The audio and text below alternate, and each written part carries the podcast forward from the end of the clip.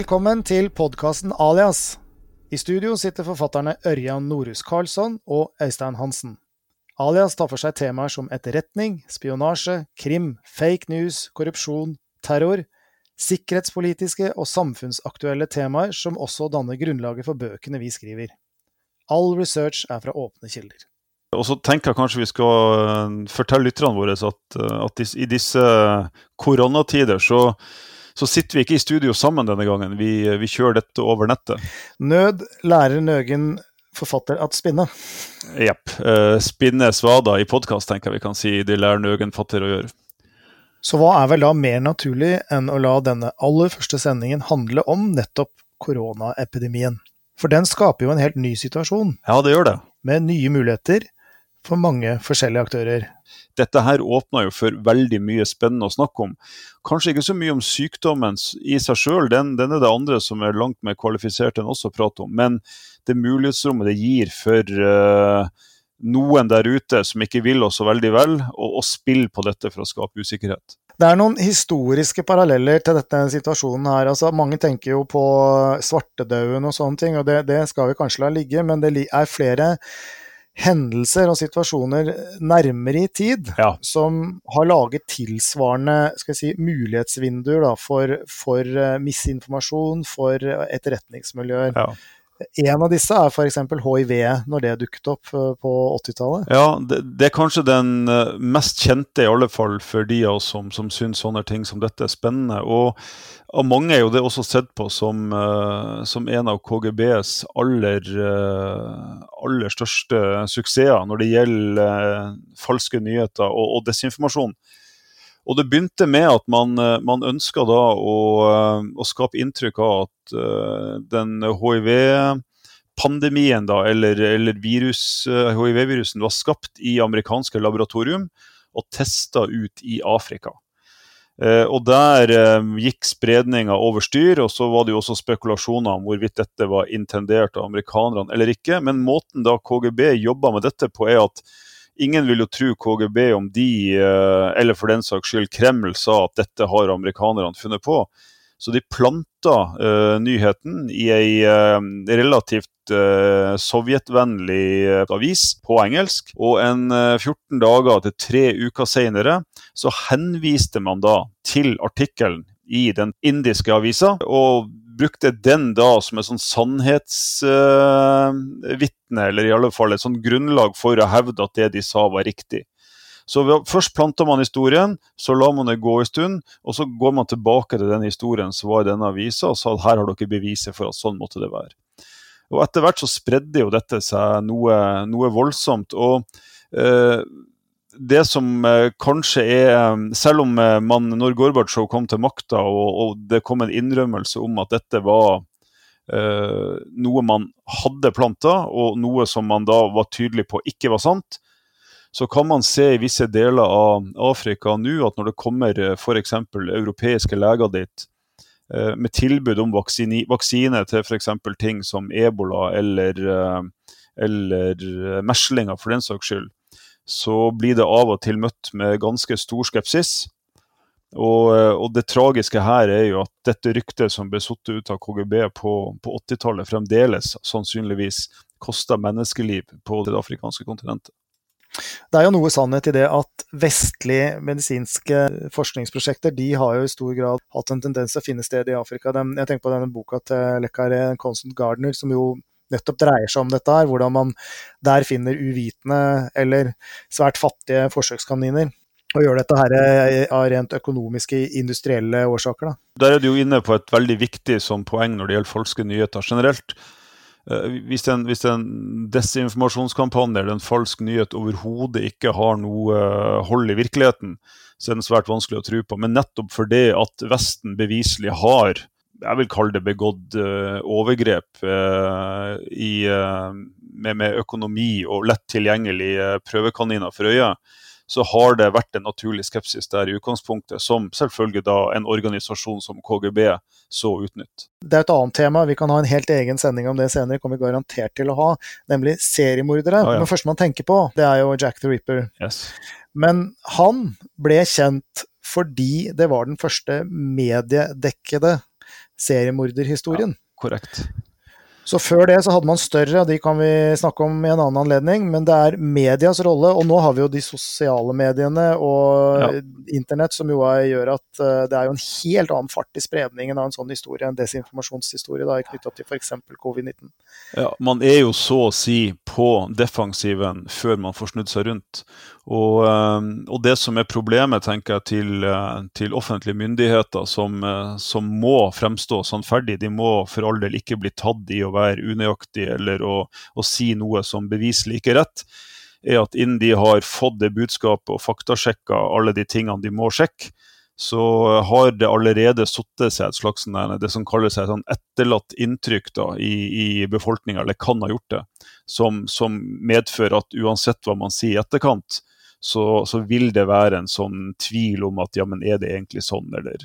Og det, det gjør at Og det kommer som akkurat som det du sa, altså den, eh, denne hastigheten som denne type eh, nyheter da, sprer seg med på sosiale medier. Et annet eksempel eh, nært Norge fra en del år tilbake så var det fravær av varsling påtagelig. og Det var Kursk-katastrofen hvor den eh, russiske atomubåten gikk ned. Der skulle man jo kunne forvente, og det var etter alle internasjonale standarder slik at norske myndigheter skulle vært varslet lenge før.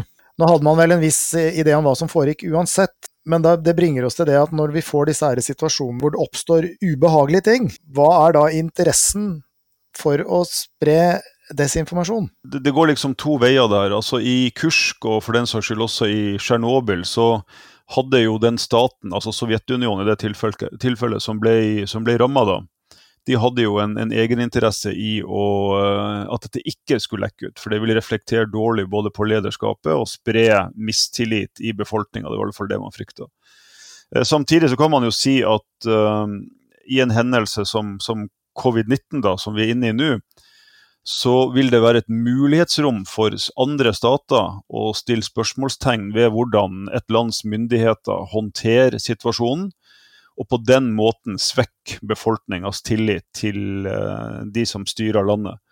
Og, og, Det betyr da at covid-19 er da for disse egentlig bare en mulighet, en av mange, til å svekke en sånn oppslutning.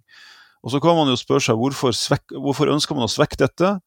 Jo, altså det kan langt på vei skyldes at man ser for seg at hvis man har lite tillit til befolkninga, så vil vanskelige beslutninger knytta f.eks.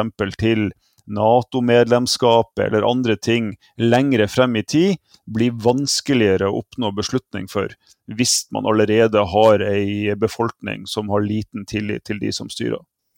Dette er rett og slett klassisk splitt og hersk-strategi? Rett og slett. Mm. Men det er interessant å se. Ehm, du har jo, denne covid-19-situasjonen har jo ført til mange helt eh, skal si, utenkelige scenarioer. F.eks. russisk legebistand til Italia. Eh, det, det, er jo en helt nest bortimot absurd uh, sak. Men det kom i stand i løpet av bare noen dager. Og der var jo russerne ekstremt villige til å hjelpe. For all del, de har helt sikkert hjulpet kommet med masse god hjelp. Men man ser jo det at regimer som Russland, Kina og sikkert mange andre også er veldig interessert i å vise at de kan hjelpe, og kanskje har også en slags splittet agenda, kan man tro, når man, når man kommer så raskt på banen i en slik situasjon. Mm, jeg, jeg, tror jo, sånn som jeg kjenner i alle fall eh, de som jobber medisinsk, så så vil nok de som blir sendt 100 eh, være, på, være profesjonelle og gjøre så godt de kan for å redde liv der de er. Men det, det betyr ikke at de ikke blir brukt av lederskapet som en sånn uh, politisk uh, brikke. Mm. Uh, så, så, av og til når man snakker om sånne ting, så, så man må være forsiktig med å ikke etterlate et inntrykk som at alle sammen er med på dette. Uh, styresmakta i et land bruker veldig ofte uh, aktører i eget land som har de beste hensiktene i sitt eget spill. Et, et annet punkt på dette er jo f.eks. hvordan man har brukt OL eh, politisk opp gjennom tida. Det startet vel nesten med, med Hitler på 30-tallet, uh, som en sånn stort, stor, stor politisk markering. Ja, Så kan man jo diskutere, det skal vi ikke ta denne gangen, hvor vellykka det viste seg å være for han, men det er jo en helt annen sak. Nok en digresjon, men uh, man sier jo det at uh, hvis det finnes liv i det ytre rom, skal ikke ta den diskusjonen nå, men det første de vil se av signaler fra verden, er jo TV-signalene fra OL i Berlin, for det ble sendt også rett ut i verdensrommet. Ja, det er jo noe man kan uh, ligge våken og tenke på om natta, tenker jeg. eller kanskje ikke. Så la oss hanke oss tilbake til, til covid-19, for der har det, der har det vært uh, mer enn nok å, å, å, ta fatt i. Der har jo um, vår landsmann, Jens, som jo leder Nato, de har jo noen uttalelser om dette her som er ganske interessant, fordi man har da greid å helt tydelig se at det er ganske iherdige forsøk på å spre gal informasjon om Vestens rolle og Natos rolle i denne, i denne situasjonen. Og de har, jo, de har, jo, rett og slett uh, hengt uh, bjella på katta i, uh, i full offentlighet. Nato sin pressearm har jo kommet med en pressemelding der de, der de peker direkte på Russland. Og, og fremhever fem punkter som de mener russerne bevisst driver med feilinformasjon om når det gjelder Nato og covid-19. Man har en interesse av å forsterke motsetninger, eh, denne splitt og hersk-strategien. Man har også mm, en tanke om at dette gir en, en, en unik mulighet til å, å spre mer usikkerhet. Mm. Så er den første myten som lever der ute, er at covid-19 det vil, det vil før eller siden føre til at Nato bryter sammen. Ja. Uh, at det splitter uh, alliansen. Uh, og det sier jo alle i Nato at nei, slik er det ikke. Nei, og det vil jo uh, Det vil jo være noe trist da om, uh, om uh, kanskje verdens mektigste militærallianse skulle bryte sammen som følge av et virus som man tross alt da på militært hold burde være i stand til å ha en viss drift selv når det rammer som verst. Men det er klart, det er ingen av oss som har vært i dette territoriet noensinne. Sånn at det sprer seg en tvil, og den tvilen har, har den store bjørnen sett seg tjent i å utnytte akkurat den kan vi også forstå, altså rent ut fra et sånn strategisk eh, standpunkt, at eh, hvis en annen eh, gruppe nasjoner, eller en stor og sterk nasjon, som det er snakk om her, har et ønske om å, å, svekke Nato, så er dette en helt soleklar mulighet. Den type retorikk er jo men det ligger oppe i dagen. og eh, Det ville egentlig vært merkelig, sånn som vi kjenner Russland, om de ikke hadde, hadde prøvd, å, prøvd, seg på den. for å si det sånn. Men så er det en påstand om at Natos allierte da internt ikke hjelper hverandre.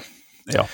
Uh, og det stemmer heller ikke, for det er mange eksempler på at man har flydd og reist til hverandre for å hjelpe med utstyr og hjelpe med å håndtere dette, er avhengig av hvor langt covid-19 har kommet av respektive nasjoner. Ja, og, og det, man, det, man, helt elegant bare styrer unna her, er jo at man nevner jo ikke at mange av de Nato-allierte er jo også uh, medlemmer av EU. Og man ser jo også at mange Nato-allierte hjelper hverandre bilateralt. Sånn at uh, man har liksom laga Nato til å være en sånn der superallianse som skal håndtere alt mulig rart. Eh, samtidig som alliansen strekker seg ganske langt, sånn som vi forstår det i alle fall, når det gjelder å, å, å hjelpe til uh, internt. Og så er det en uh, standhaftig myte om at dette er et biologisk våpen som er laget av Nato. Ja, det er jo min favorittmyte. da. Det er at dette er, dette er et våpen laga av, eh, av, Nato til å uh, da bruke offensivt. Her må det jo sies at det er flere som hevder det. da. Også i Kina så har jo dette versert som en teori. Kineserne hevder at amerikanerne har uh, satt ut uh, dette viruset i Wuhan. Uh, og Nå kan det hende at jeg er litt sånn unøyaktig på geografien, her, men i alle fall i fjor så var det da et sånt globalt militært mesterskap Eh, i, i, Kina, i, eh, i Wuhan-området. Og eh, man mener vel da, eller det, det ryktes da, at, at dette viruset ble satt ut fra amerikansk hold i Kina på det tidspunktet. Dette er jo selvfølgelig ikke noe som, som den kinesiske presidenten står på talerstolen sin og sier, men det er så vidt jeg har forstått, folk eh, ganske eh, høyt opp i statshierarkiet, inkludert eh, kinesisk UD, som har hinta om at dette kan være en mulig forklaring. Og Den må jo ses i sammenheng med at det finnes noen på amerikansk side som mener at det er et laboratorium i Wuhan som enten har prøvd å produsere covid-19 som et våpen, eller som bare har forska på koronaviruset, men som følge av at man ikke helt har hatt kontroll på hva som skjer på laboratoriet, har sluppet det ut ved et uhell. Sånn at her er det jo egentlig den ene påstanden som står imot den andre. Da, og sjansen er jo ganske stor for at begge er fullstendig oppspinn. De aller fleste land med kapasitet til å eventuelt bringe fram smitte da, i den hensikt å bruke det som et våpen, det er jo ikke lov etter internasjonale konvensjoner, og det er en forkastelig ting, men likevel, hvis vi tar den teoretiske øvelsen, da, de land med kapasitet til å gjøre det, mm. de vil også vite såpass at hvis de slipper løs dette her, så har de jo null kontroll på det. Ja. Så det i seg selv diskvalifiserer jo hele teorien. Ja, ja helt klart. Uh, og, uh, og, man skulle jo kanskje tro det at, at, hvis dette hadde vært planlagt, så vil man jo muligens da også ha sørga for at befolkninga og, og lederskapet og alle disse hadde vært vaksinert på forhånd. Hvis ikke så er jo dette bare, bare tull. Så har vi enda en teori, yep. eh, som jo bygger på denne teorien om at dette er et biologisk våpen som er da enten sluppet ut ved en tilfeldighet eller eh, med overlegg. Det er at Nato da sprer viruset videre. Ja, og, og det, det, skjer som følge av at Nato øver i uh, ikke bare i Europa, men at man har elementer av Nato, eller land som er i Nato, som også er på utsida av Europa når de øver. og det er jo Amerikanerne er jo er jo et, et godt eksempel på dette. Eh, og at det er en måte man da uh, sprer det på. Og Det kan jo hende at dette også har dukka opp litt i kjølvannet, no pun intended, av at man fikk virus påvist også om bord på hangarskip. Du tror jeg både det er påvist i, i, det amerikanske tilfellet som er mest kjent, men også tror jeg om bord på franske hangarskip. Ja. Uh, sånn at igjen så er dette et godt eksempel på en myte som uh, har et sånn ankerfeste da, i, uh, i, en virkelig hendelse. Mm. Og så er det enda en myte som jo er fullstendig ulogisk, og det, det, fascinerer meg også litt med disse her konspirasjonsteoriene, at mange av dem er jo bare helt fullstendig blottet for logikk. Men det kan vi ta litt etterpå. Ja. Men at Nato da også um, oppfordrer til at man skal bruke mer penger blant egne medlemmer på militærmakt og mindre på helsesikkerhet. Det er også helt ulogisk, for hvorfor skulle man ønske å slå ut sin egen befolkning? Det man kanskje prøver å si indirekte her, er at, uh, at, alliansen bruker så mye penger på det militære at det ikke er penger igjen til å ha den helseberedskapen som man, man skulle trenge. Sånn at uh, Da prøver han å snike inn et sånn der lite stikk som sier at uh, se hvor dyrt dette er, dette er prisen dere må betale for å være medlem av, av Nato. I PR-sammenheng altså kort fortalt en drittpakke. En drittpakke. Ja.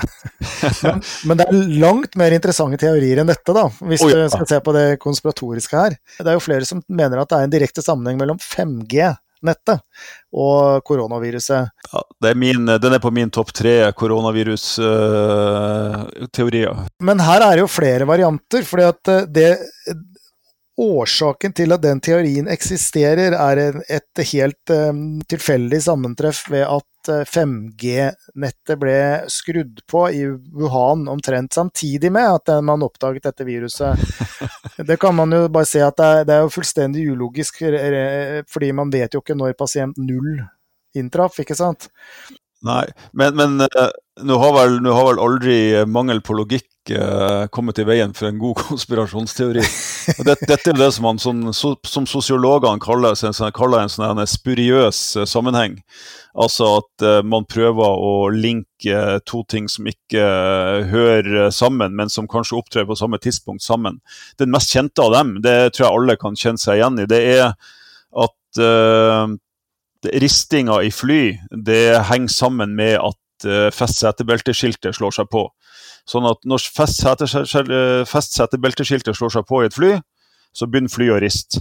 Uh, og da vil jo en spiriøs teori ut fra det være at det da lyser i festsetebelteskiltet som medfører at flyet rister. Og det er omtrent sånn denne 5G-greia i, uh, i, Wuhan er også. Du slår på 5G-nettet, og vips, så har du viruset. Helt fantastisk teori. Vi, vi, har en annen en også, som er eh, Eller jeg vil si, det er, det er folk som har funnet tanker eh, Eller altså funnet tegn på, forvarsler, om at dette skal skje. En av våre forfatterkolleger, Dean Koontz, skrev i 1981 eh, spenningsromanen 'The Eyes of Darkness', og der beskrives et koronalignende virus i Wuhan. Og det har fått mange til å, å se at dette er et profetisk tegn på at dette kom til å skje. Ja, Noe som din kunst da har, uh, har på det sterkeste tilbakevist. Men altså, det, det, man kanskje glemmer der, er jo at din kunst i bok er jo ikke den første boka som, uh, som trekker frem uh, virusepidemier og pandemier. Men han, han, var, han hadde flaks når det gjaldt plassen, da. Det var det. Det var blink.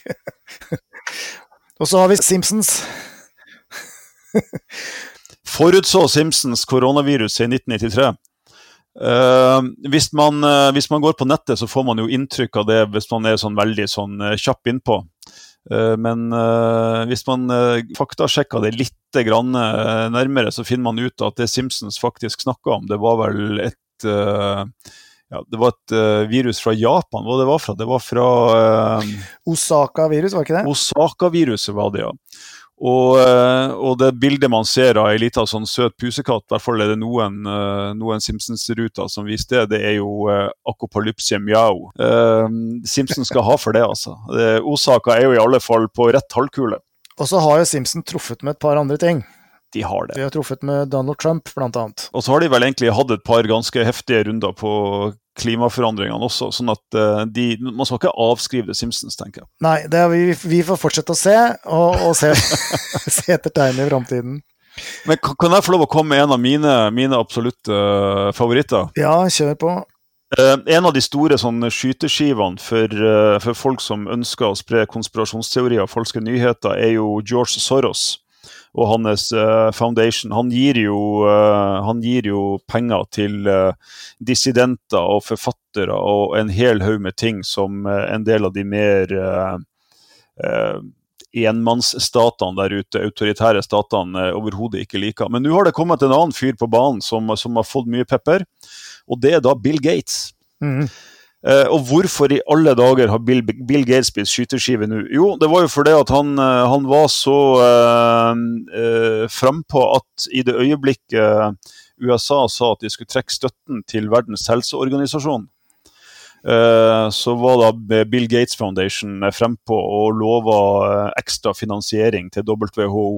De, de, de kom jo med tilskudd tidligere også, men jeg tror de dobla eller tredobla støtten. Så det var ganske, ganske betydelige mengder med penger. Men da har jo en del av disse, kall det de som har litt lemfeldig forhold til sannhet og fakta i, i Russland, uh, satt frem påstander som at det er Bill Gates Foundation som har uh, faktisk laga covid-19.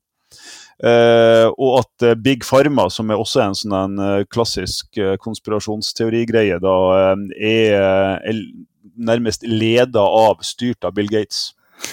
Uh, sånn at uh, jeg tror ikke stakkars Bill visste hva han, uh, hva han bega seg inn på her når han tenkte han skulle hjelpe til å bekjempe dette. Så jeg mener alt er, alt er liksom en mulighet hvis du hvis du bare leter sånn litt mellom linjene, så finner man alltid en måte å lage en konspirasjonsteori ut av noe.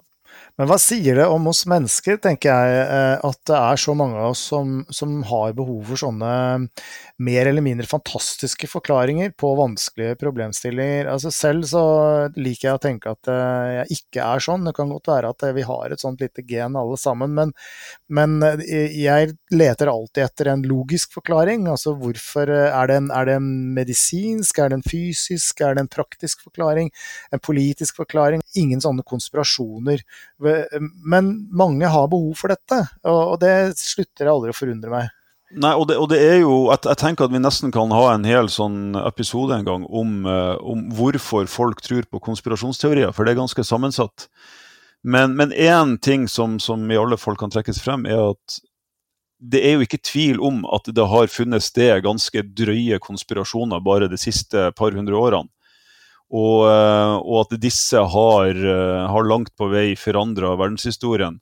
Altså, holocaust er jo en tysk, eller nazitysk, konspirasjon uh, til den ble avslørt.